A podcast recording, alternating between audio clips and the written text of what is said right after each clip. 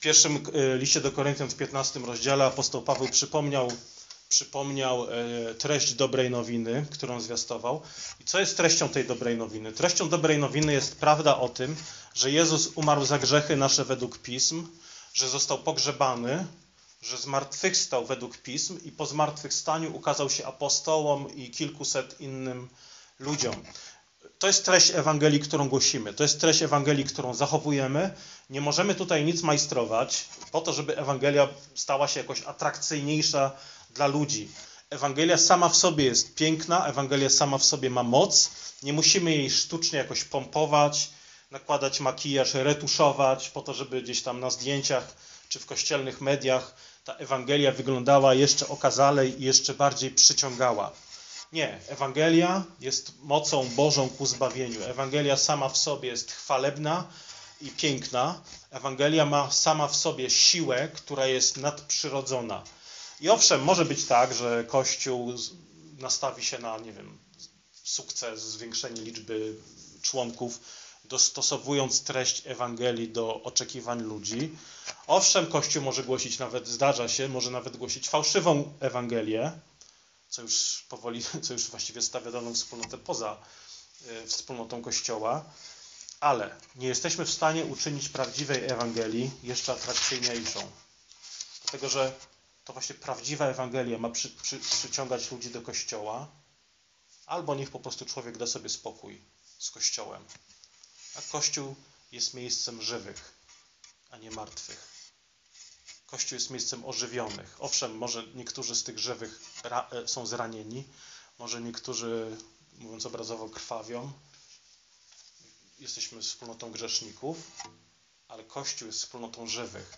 A tą moc ożywiania duchowego trupa ma tylko Ewangelia. Dlatego ją głosimy. Dlatego głosimy dobrą nowinę, a nie dobrą poradę. Czyli mamy więc treść Ewangelii, którą Paweł przedstawił w pierwszym liście do Koryntian. Treść Ewangelii jest zawsze starożytna. Nie opowiadamy po dwóch tysiącach lat niczego innego, aniżeli głosił apostoł, czyli Paweł, czy inni apostołowie. Mamy zachowywać ten sam depozyt wiary, o którym Juda napisał w swoim liście, że została raz na zawsze przekazana świętym. List Judy, pierwszy rozdział, trzeci werset. Umiłowani, zabierając się z całą gorliwością do pisania do Was o naszym wspólnym zbawieniu, uznałem za konieczne napisać do Was i napomnieć Was, abyście podjęli walkę o wiary, która raz na zawsze została przekazana świętym.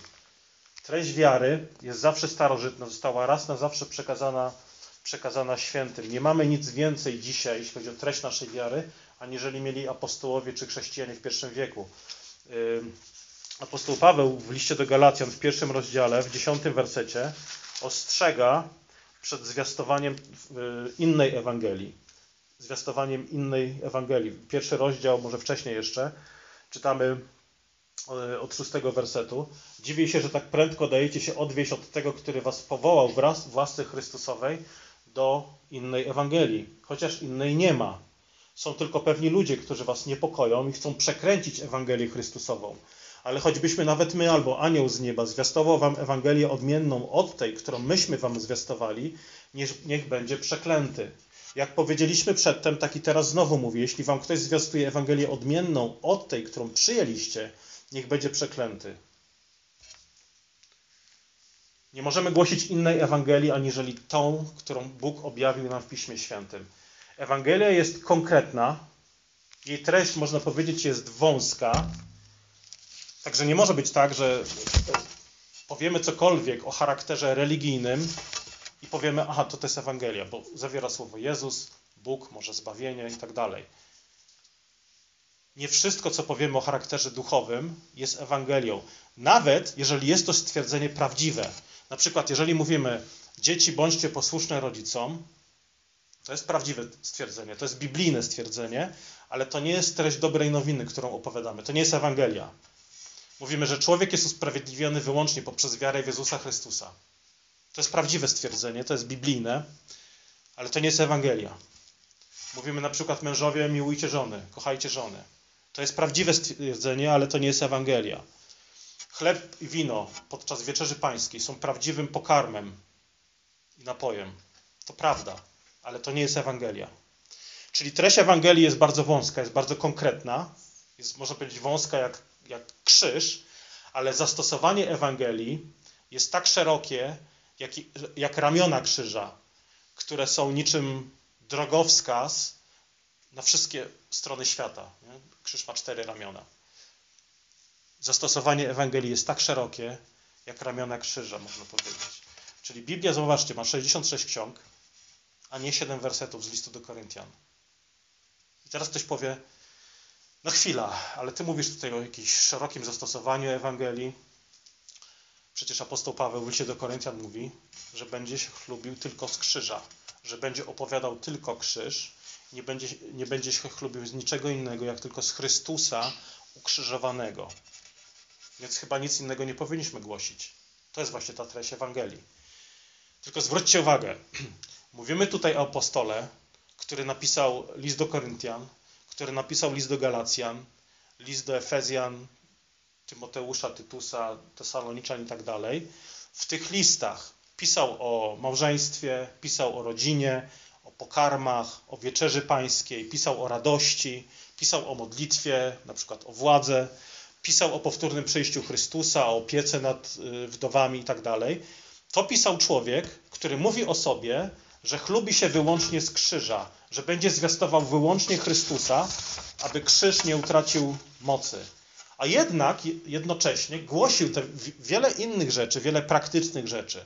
I teraz możemy powiedzieć, no jak, jak to pogodzić ze sobą? Czy kłamał? Raz mówi, że będzie głosił tylko Chrystusa, a za chwilę mówi o opiece nad wdowami i, i sierotami. No oczywiście nie kłamał. Nie zmienił zdania i nie przeczył sobie. Apostoł Paweł, kiedy mówi na przykład o małżeństwie, żony szanujcie mężów, mężowie kochajcie żony, kiedy mówił o instrukcjach dotyczących wychowania dzieci, małżeństwa i tak dalej, to pokazał w jaki sposób to właśnie Ewangelia powinna wpływać na nasze życie rodzinne. Kiedy mówił na przykład o sposobie y, sprawowania wieczerzy pańskiej, to mówi o tym, w jaki sposób Ewangelia wpływa na to, że wieczerza pańska jest dla nas duchową ucztą i pokarmem. Pokazał, w jaki sposób y, Ewangelia wpływa na wezwanie do radości, pomocy wdowom, na wezwanie do modlitwy, na wezwanie do szacunku wobec władz, przepisy o pokarmach itd. Tak Czyli musimy widzieć, że Ewangelia jest jak zaczyn, który zakwasza mąkę, że przemienia po prostu każdą sferę naszego życia. Ewangelia jest jak, gdybyśmy tutaj odkręcili prysznic e, w łazience i zostawili go, to stopniowo woda będzie e, pojawiała się w każdym pomieszczeniu po kolei. Zaczynając tutaj od korytarza, potem do salonu. I tak działa Ewangelia. Ewangelia jest jak woda, która wpływa nawet pod drzwiami, nawet jak zamkniemy drzwi. To Ewangelia jest jak woda, która wpływa do pomieszczenia pod drzwiami i stopniowo, stopniowo, stopniowo moczy całą powierzchnię. Nie próbujcie tego stosować w, waszym, w waszych domach. To jest tylko teoretyczny przykład. Yy, niedawno czytałem o dyskusji dwóch chrześcijan, w której, w której jeden argumentował za cotygodniową wieczerzę pańską, a drugi brat yy, negował jej zasadność na każdym nabożeństwie. Pierwszy mówił, że wieczerza pańska jest duchowym pokarmem od Boga, dlaczego więc mamy się go pozbawiać? Na co drugi odpowiedział, że nie, bo duchowym pokarmem nie jest wieczerza pańska, tylko Ewangelia. Duchowym pokarmem nie jest e, wieczerza pańska, tylko Ewangelia. Tak stwierdził ten drugi. Słuchajcie, jeżeli coś takiego usłyszymy, to jest, to jest przykład, to jest przykład stwierdzenia, które oddziela Ewangelię od wszystkiego innego. To tak jakby stwierdzić, ja kocham Ewangelię tak bardzo, ja bronię czystości Ewangelii tak bardzo, że oddzielę ją od wszystkiego innego i zamknę na cztery spusty w moim świętym pomieszczeniu, w moim świętym pokoju. Słuchajcie, takie, takie podejście nie tylko degraduje wieczerzę, ale przede wszystkim degraduje samą Ewangelię, ponieważ przedstawia ją jako jakiś odizolowany konstrukt w mojej głowie, bez żadnego związku z tym, co Pan Jezus nakazał swoim uczniom. Czyli tu Pan Jezus nakazał uczniom chrzcić, tu Pan Jezus nakazał uczniom obchodzić wieczerzę pańską, a tutaj nakazał głosić Ewangelię. I Ewangelia jest duchowym pokarmem, ale komunia już nie. Czyli dwa, mamy dwa pokoje oddzielone od siebie grubym, takim żelbetonowym murem. To jest, słuchajcie, bardzo strasznie zubożone, ograbione spojrzenie na samą Ewangelię. To tak, jak, tak jakby była jakimś pokojem odizolowanym od całej reszty domu, ciemnym pokojem. Czyli nie możesz się cieszyć pokojem obok, bo masz siedzieć w tym pokoju o nazwie Ewangelia. Nie, Ewangelia jest raczej jak centralny pokój w domu, który ma światło samo w sobie. I to światło z tego centralnego pokoju wchodzi do wszystkich pomieszczeń wokół, do każdego pokoju obok. Czyli jeżeli mówię, że wchodzę do pokoju o nazwie nabożeństwo, żeby skorzystać ze światła, które daje spotkanie z Jezusem na nabożeństwie, to ja nie mówię tutaj o innej Ewangelii. Nie mówię, że nabożeństwo w ten sposób stawiam jako konkurencję wobec Ewangelii. Tak? Nie odgradzam Ewangelii od tego, co dzieje się na nabożeństwie, od tego, co dzieje się przy stole pańskim. Kiedy mówię, że słońce daje światło i oświeca, oświetla wszystko, to po prostu stwierdzam, że słońce jest źródłem wszelkiego światła. Znaczy, wiadomo, że Bóg jest, ale mówię o tym tutaj fizycznym kontekście. Światło oświetla Ziemię, naszą planetę.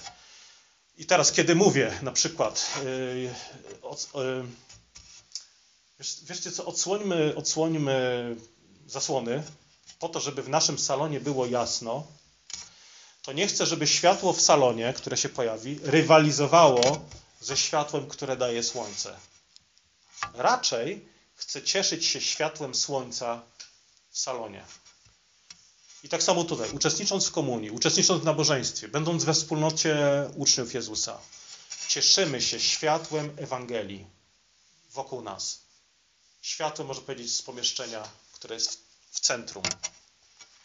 Także nie mówimy, że skoro Ewangelia jest duchowym pokarmem, to duchowych dobrodziejstw Bóg nie udziela nam podczas zwiastowania Słowa Bożego, że nie udziela nam y, swoich, swoich błogosławieństw, kiedy jesteśmy wierni w naszych pracach, nauce, małżeństwie, kiedy sprawujemy wieczerze, chrzest, kiedy y, uczymy się z Biblii, w jaki sposób powinniśmy wydawać nasze pieniądze, w jaki sposób służyć bliźniemu, w jaki sposób pomagać wdowom. Jeżeli ktoś by stwierdził, nie, tu nie ma żadnego duchowego posilenia, bo przecież w Ewangelii jest duchowe posilenie. No to jest problem. No to jest właśnie odseparowanie Ewangelii od wszystkiego innego. Ewangelia nie jest odizolowaną, odizolowaną od wszystkiego innego teorią. Musimy nauczyć się, że wszystko, co Jezus nakazał, wszystko, co nakazuje nam Biblia, wypływa z Ewangelii i jest duchowym pokarmem ze względu na nią, a nie same w sobie. Sam chleb przy stole pańskim, wino przy stole, one nie mają żadnej mocy. Woda podczas chrztu nie ma żadnej mocy. Ale wierzymy, że są duchowymi środkami umocnienia ze względu na Ewangelię, ze względu na Boga, który używa ich, aby nas umacniać. Czyli tak, wieczerza, na przykład skoro o tym mówimy, wieczerza poza kontekstem Ewangelii, poza kontekstem nawrócenia do Boga, nawet bym powiedział, nawet nie jest zwykłym posiłkiem. Jest po prostu posiłkiem sądu nad tymi, którzy ją traktują w nonszalancki sposób. Małżeństwo, znowu, poza kontekstem Ewangelii, pozostaje zwykłym jakimś, obiektywnie oczywiście jest y, y, y, dziełem Bożym, ale spoglądając na Ewangelię poza kontekstem Ewangelii, małżeństwo staje się takim zwykłym kontraktem, jakąś umową, której zapisy, definicje człowiek może zmieniać kiedy chce i jak chce. Posłuszeństwo przykazaniom poza kontekstem Ewangelii jest zwykłą etyką, jest zwykłym umoralnianiem pogan, a nie miłosnym oddaniem człowieka, który jest przemieniony mocą dobrej nowiny. Także Ewangelia to nie są kajdany, Ewangelia to jest dobra nowina, która daje nowe oczy, nowe uszy, wolność, żebyś mógł widzieć wszystko w inny sposób. Czyli kiedy mówię, no tak, e, kiedy pijemy z Jolą rano kawę, mówię, tak, kawa daje mi radość, dobra kawa. Ale źródłem tej przyjemności jest nie tylko smak kawy. Ona wynika z tego, że lubimy pić kawę razem z żoną. Kontekstem tej przyjemności jest nasza, nasza więź.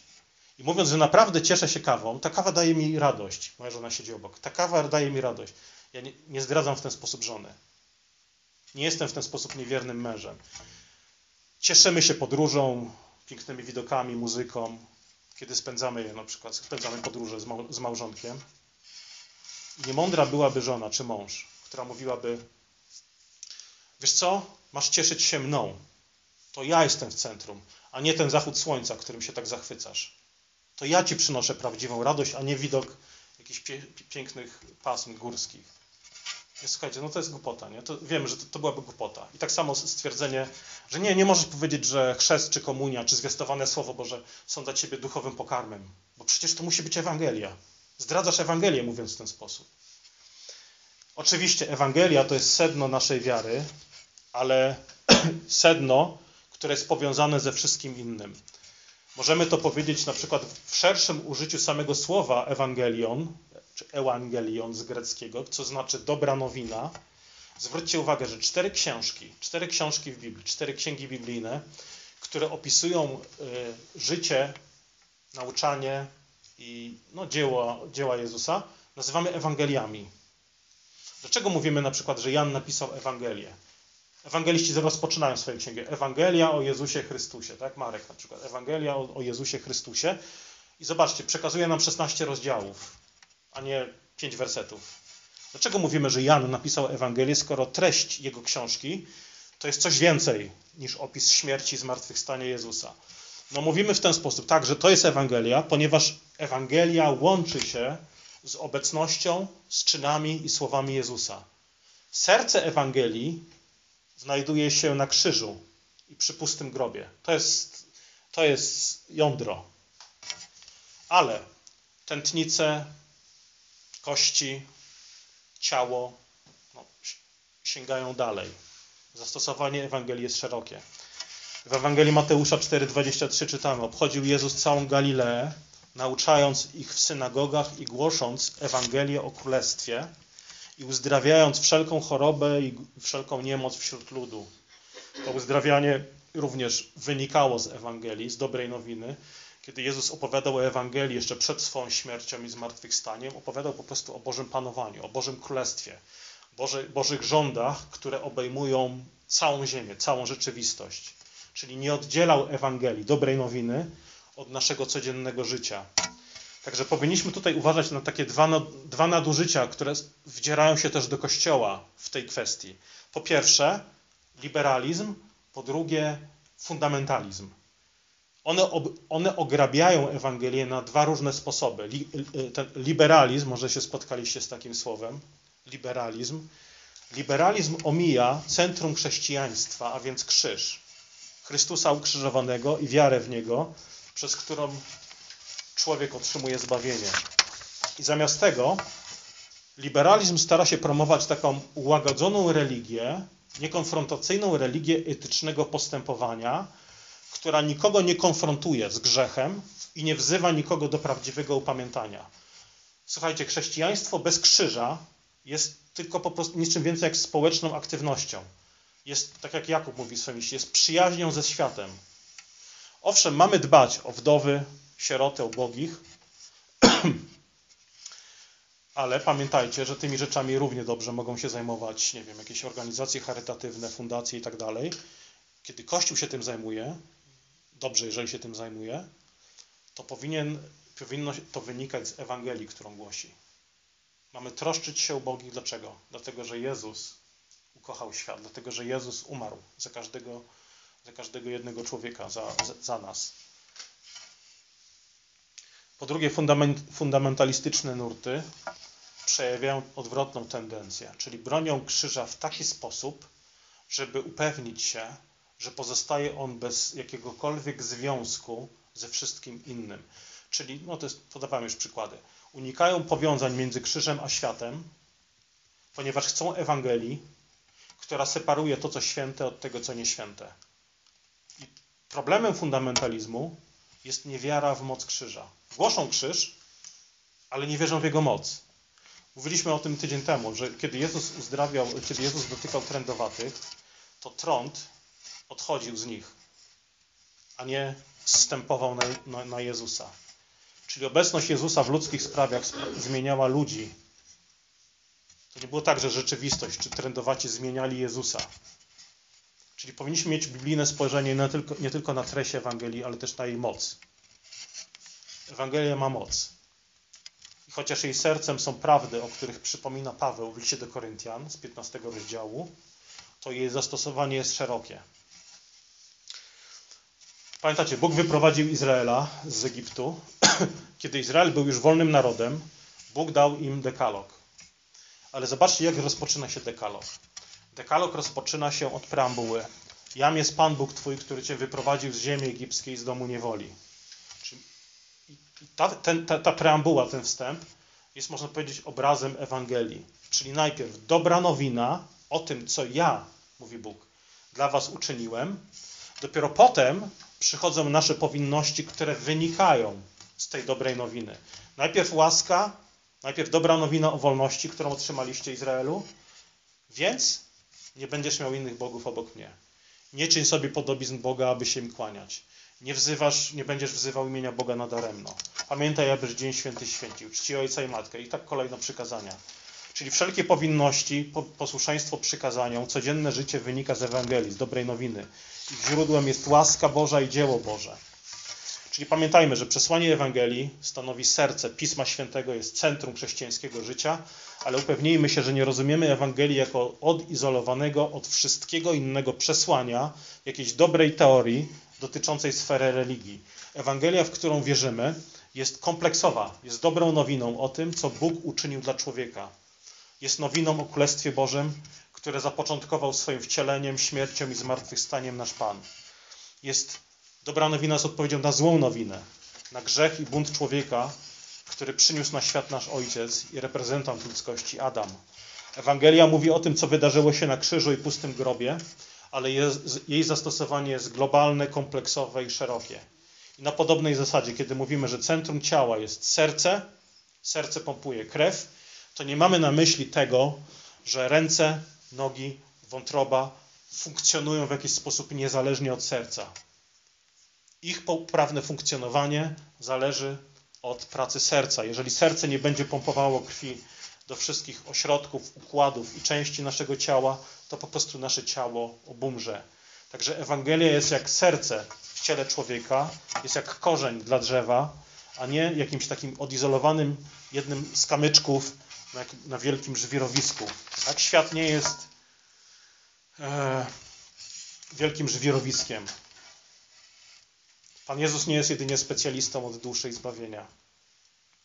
Świat to nie jest żwirownia pełna pojedynczych kamyczków. To jest raczej ogród, który jest nawadniany jednym źródłem, Ewangelią, posiada jednego gospodarza, Boga w Trójcy jednego. Jeżeli to rozumiemy, zgodnie z Biblią, to naprawdę będziemy w stanie przejść do serca Ewangelii, do dzieła Jezusa i z Ewangelii do jakiegokolwiek innego tematu, bez jakiejś sztuczności, bez jakiegoś, bez jakiegoś takiego nienaturalnego stwierdzenia, to wiesz co, chodź, usiądź i ja, ja powiem Ci o Ewangelii. W liście do Kolosan w pierwszym rozdziale, w szesnastym wersecie czytamy ponieważ w Nim, czyli w Chrystusie, wszystko zostało stworzone, co jest na niebie i na ziemi, wszystkie rzeczy widzialne i niewidzialne, czy to trony, czy panowania, czy nadziemskie władze, czy zwierzchności, wszystko przez Niego i dla Niego zostało stworzone. On jest też przed wszystkimi rzeczami i wszystko na Nim jest ugruntowane. Nie opowiadamy Ewangelii w oderwaniu od rzeczywistości, od codziennych wyzwań i problemów, tak jakby Ewangelia nie miała z tym nic wspólnego. Czyli w jaki sposób masz kochać bliźniego? Jak, jak masz przebaczać bliźniemu? Jak masz pracować? Jak masz podchodzić do swoich obowiązków szkolnych? Jak masz mm, reagować na jakieś niesprawiedliwe oskarżenia, na przeciwności? Jak korzystać z Bożych darów? Jak przyjmować dary? Jak ofiarowywać dary? No odpowiedzią jest Ewangelia. Zobaczcie, że Pan Jezus był w stanie przejść do sedna Ewangelii, używając sytuacji no po prostu z codzienności. Kiedy poszedł z uczniami łowić ryby, kiedy był na weselu, kiedy poszedł do domu celnika i tak dalej. Nie mówił, wiesz co, chodź teraz, ja mam taki, taką magiczną kulkę dla Ciebie, Ewangelię. Ja teraz się z nią, ja podzielę się nią z Tobą. Nie, używał codziennych sytuacji, życiowych sytuacji, kontekstów, w których byli ludzie, żeby ilustrować, opowiadać o Ewangelii. I teraz dlaczego w takim razie zdarza nam się, że oddzielamy Ewangelię, oddzielamy wieś od krzyża, o krzyżu, od realnych problemów w świecie i naszych problemów osobistych. Myślę, że, że robimy to, ponieważ zostaliśmy nauczeni oddzielania wersetów o Ewangelii od pozostałych wersetów Pisma Świętego. Czyli dzielimy Biblię na wersety o Ewangelii kontra reszta świata. Mamy wersety o wierze, mamy wersety o uczynkach, mamy wersety o prawie, mamy wersety o łasce, mamy y, wersety o zbawieniu i o codziennym praktycznym życiu chrześcijańskim. Tak jakby podchodzimy czasami do Biblii, tak jakby Pan Bóg podzielił ją na wersety z uśmiechniętymi buźkami i na wersety ze zmarszczonymi buźkami. Ale jeżeli oddzielimy Ewangelię od codzienności, to naprawdę zostanie nam, nie wiem, może pół procenta Pisma Świętego, ponieważ naszą konkluzją będzie, że pozostałe kwestie, które Bóg opisuje w Biblii, poza Ewangelią, są zbyt przyziemne, zbyt ludzkie, nieduchowe, zbyt grzeszne może, żeby mieszać z nimi Ewangelię. One nie posiadają duchowych korzyści. Także słuchajcie, nie dzielimy Biblii na Ewangelię i resztę, resztę świata, tak jakby inne aspekty naszego życia funkcjonowały w oderwaniu od Ewangelii. Kiedy mówimy, jak ma wyglądać nasze małżeństwo, to nie mówimy tu jakieś, o podręczniku etyki, o jakimś poradniku psychologicznym. Mówimy o Ewangelii, mówimy o dobrej nowinie. Chcesz uzdrowić swoje małżeństwo, potrzebujesz dobrej nowiny, nie dobrej porady. Wychowanie dzieci, seksualność, praca, sztuka, przyjaźnie, pieniądze, odpoczynek. Nic z tych rzeczy nie funkcjonuje w oderwaniu od Ewangelii. Pan Jezus często przebywał tam, gdzie był tłum, gdzie człowiek był pełen trwogi, niepokoju, gdzie był chory, cierpiący, odczuwał jakieś lęki i tak dalej. Mówię, odpowiedź jest w Ewangelii. Odpowiedź jest w Ewangelii na Twoje, na twoje no, również te doczesne troski, nie tylko na, na, na, na pytanie o Twoje zbawienie. Boże cele dla Ewangelii dotyczą całej rzeczywistości. Chrystus przelał swoją krew, tak jak mówiliśmy do Kolosjan 1,20, żeby, wszystko, żeby przez Niego wszystko, co jest na ziemi i na niebie, pojednało się z Nim dzięki przywróceniu pokoju przez krew krzyża Jego. Wszystko, mówi Paweł, jest, jest z Nim powiązane. I te powiązania z Ewangelią, z Chrystusem właśnie w świecie powinniśmy widzieć dzięki wierze. Poprzez wiarę Bóg otwiera nam oczy, uszy, abyśmy mogli widzieć te wszystkie powiązania. Święty Augustyn powiedział: yy, Wierzę i myślę, czy wierzę, więc myślę. Co oznacza, że jego wiara, że wiara uzdalnia do poprawnego myślenia i dostrzegania w świecie tych powiązań, które dla człowieka nieodrodzonego są niedostrzegalne. Dla człowieka nieodrodzonego to jest właśnie żwirowisko, pełno kamyczków, które są ze sobą w ogóle niepowiązane. I was, którzy, teraz Paweł mówi, a jak dla chrześcijan to powinno wyglądać? No powinno wyglądać tak, Kolosan 1,21. I was, którzy niegdyś byliście mu obcymi i wrogo usposobionymi, a uczynki wasze były złe, teraz pojednał w jego ziemskim ciele przez śmierć, aby was stawić przed obliczem swoim jako świętych i niepokalanych i nienagannych.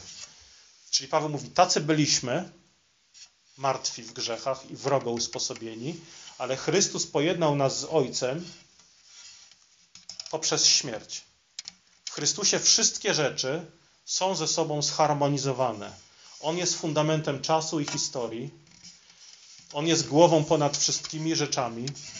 On jest przyczyną i celem. On jest początkiem i końcem. On jest suwerennym Panem ponad wszystkim. Wszystko jest powiązane z Nim, mówi Paweł. I to zawiera w sobie takie rzeczy jak przewijanie niemowląt, gotowanie obiadu, oglądanie filmów razem, e, pieczenie ciasta, pisanie oprogramowania, obserwowanie gwiazd na niebie, nauczanie teologii, wędrówki górskie, randki, cokolwiek, co człowiek jest w stanie robić. To, co robimy, jest po prostu przejawem wiary w Ewangelię albo przejawem odrzucenia Ewangelii. Wykonując chociażby te rzeczy, o których wspomniałem, albo mówimy o tym, że krzyż tak ma dla mnie znaczenie, kluczowe znaczenie, albo oznajmiamy, że krzyż nie ma znaczenia. Także nie powinniśmy z tej listy, którą wymieniłem, listy różnych czynności, wyjmować kilka, wyjąć kilka rzeczy i powiedzieć, aha, to tu jest Jezus, tak, tu widzę, tu widzę, że jest Jezus. Kiedy mówisz o małżeństwie, tak, tu widzę, że tu, tu Jezus ma dużo do powiedzenia. Ale kiedy, mówię, ale kiedy mówisz na przykład o mojej nauce, o moim podejściu do nauczycieli, No to jak tu Jezus? Co tu Jezus ma do powiedzenia? To jest zupełnie inna, inna rzeczywistość. Tu jest Jezus, tam nie ma Jezusa. Tutaj widzę przełożenie Ewangelii, a tu nie widzę. Nie, powinniśmy widzieć, że Chrystus jest Panem ponad wszystkim i Ewangelia przemienia, tak jak ta woda wylewająca się do salonu, z czasem, z czasem powinniśmy widzieć, że o, ona wkrótce zamoczy ca całą podłogę. Dlaczego jesteśmy przeciwko aborcji? Z powodu Ewangelii. Dlaczego jesteśmy za wiernością małżeńską? Z powodu Ewangelii. Dlaczego mówimy dzieciom nie kłam? Z powodu Ewangelii. Dlaczego sprawujemy wieczerzę pańską? Poza może okolicznościami takimi jak teraz, co tydzień. Z powodu Ewangelii. Jak krzyż ma się do wezwań do radości, pokoju, wdzięczności, cierpliwości? No musimy widzieć. Odpowiedź jest w Ewangelii. Jeżeli nie widzimy tych przełożeń, to ograbiamy Ewangelię i robimy z niej tylko taką pigułkę na zbawienie, bez realnego odniesienia do naszego życia tu i teraz. Także podsumowując, Ewangelia jest wąska jak krzyż, jest szeroka jak jego ramiona, które są niczym drogowskazy, które wskazują wszystkie kierunki świata. Bóg nie jest jakimś nieruchomym poruszycielem, ale jest zaangażowanym Bogiem, dobrym Ojcem, który jest zaangażowany we wszystko, co nas spotyka. Nawet zna ilość włosów y, nie tylko łącznie. Bóg nie zna tylko wyłącznie ilości wszystkich włosów na świecie, ale jest w stanie podzielić to na, na ilość ludzi i powiedzieć: Ty masz tyle, ty masz tyle, ty masz tyle. Nawet wróbel nie spadnie na jego ziemię. Na, no, no, wróbel nie spadnie na ziemię bez jego woli. Także nie oddzielajmy Ewangelii, nie oddzielajmy krzyża Boga od życia. Bo, dlaczego? Bo wierzymy, że Jezus jest Panem. To jest fundament wszystkiego. Pomódlmy się. Dobry Boże, dziękujemy Tobie za Twoje słowo i pociechę Ewangelii, że ona po prostu dotyczy całego życia, całej naszej rzeczywistości. Jej treść jest konkretna, mówi o dziele Twojego Syna, ale, ale nie jest odseparowana od naszej codzienności, naszych codziennych wyzwań, smutków czy nawet przykazań. Panie, wierzymy, że właśnie dobra nowina jest fundamentem wszystkiego. Spraw, Panie Boże, aby też właśnie te powiązania dotarły do naszych umysłów, naszych uszu, oczu, abyśmy, Panie, mogli widzieć te wszystkie powiązania, abyśmy byli zachwyceni Twoją mądrością, Twoją łaską. Panie, chcemy jako właśnie ożywieni z martwych przez moc Twojego ducha i moc Twojego słowa, chcemy nieść dobrą nowinę ludziom, nowinę, która oznajmia o Twoim królestwie, o Twoim panowaniu ponad wszystkim. Amen.